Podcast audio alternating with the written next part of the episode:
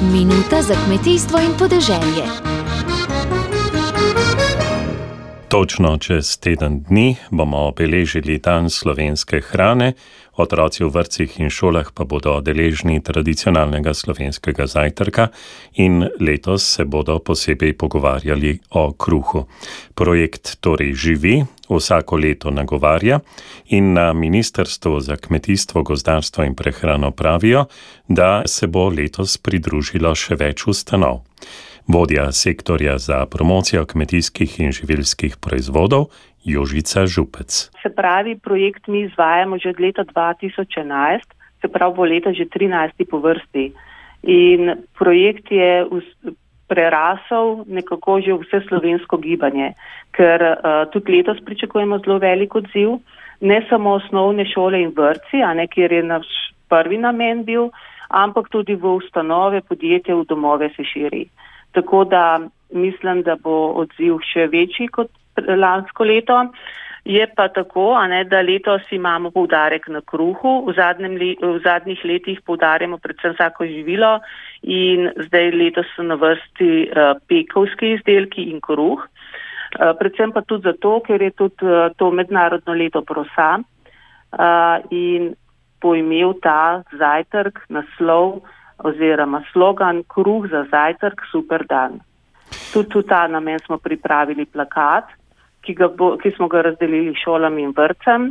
In predvsem ta plakat ima uh, eno ilustracijo prav luštno uh, slovenske uh, ilustratorke Ančke Bošni Godec z naslovom Revna in bogata sestra. Verjetno jo vsi poznamo dobro. Kako pa ste, gospa Jožica, na Ministrstvu za kmetijstvo, gozdarstvo in prehrano Eh, zadovoljni s sodelovanjem slovenskih pridelovalcev pri tem projektu.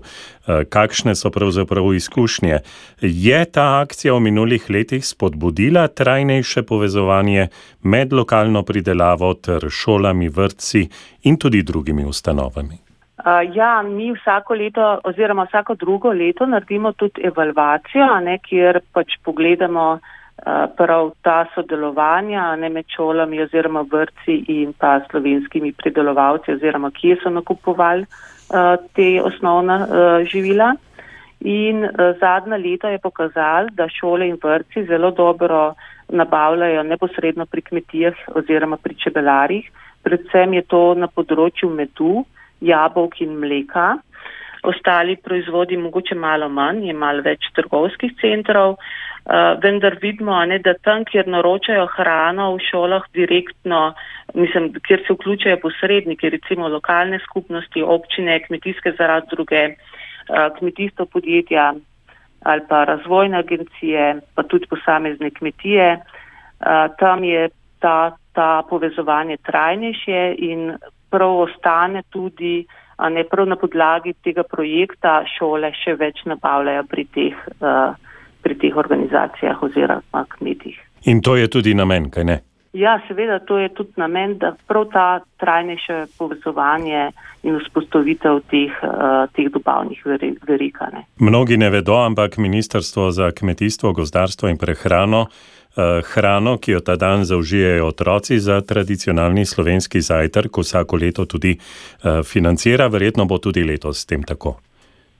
Tako je. Uh, tudi letos bomo mi splačali povšalno nadomestilo na, za nakup živil za izvedbo TSZ-ja.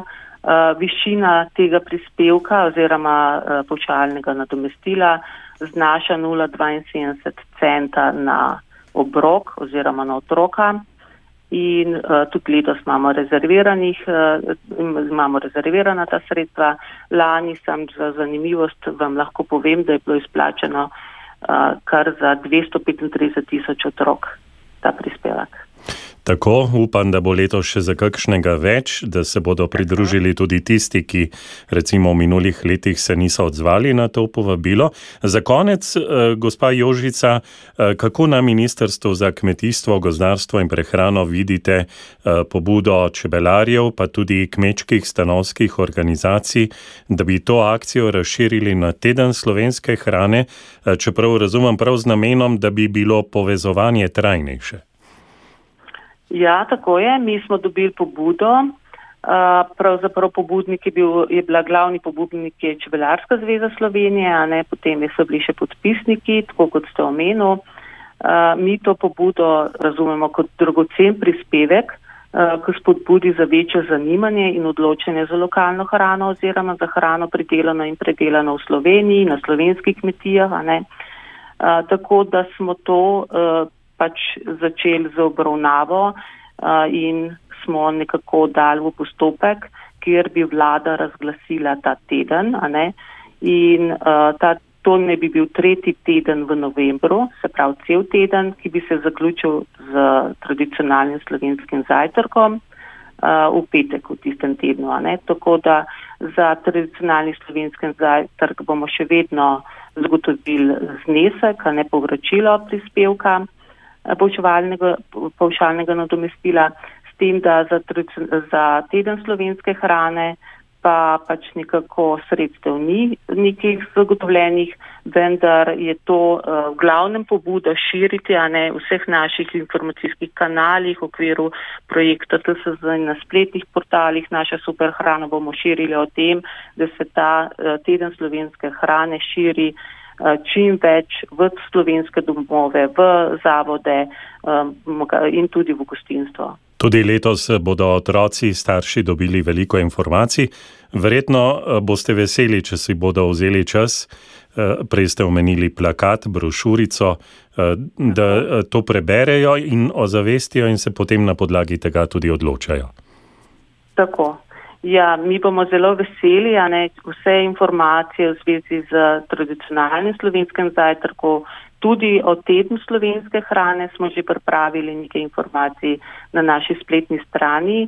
Eh, na portalu Naša super hrana imamo podstran tradicionalni slovenski zajtrk in tam bojo najdli vse informacije, eh, tako o samem tem dnevu, a ne eh, kot tudi, tako kot sem rekla, tudi o tednu slovenske hrane, kjer je pripravljena tudi ena brošura za, s slovenskimi recepti ki se jo lahko tudi prenesejo.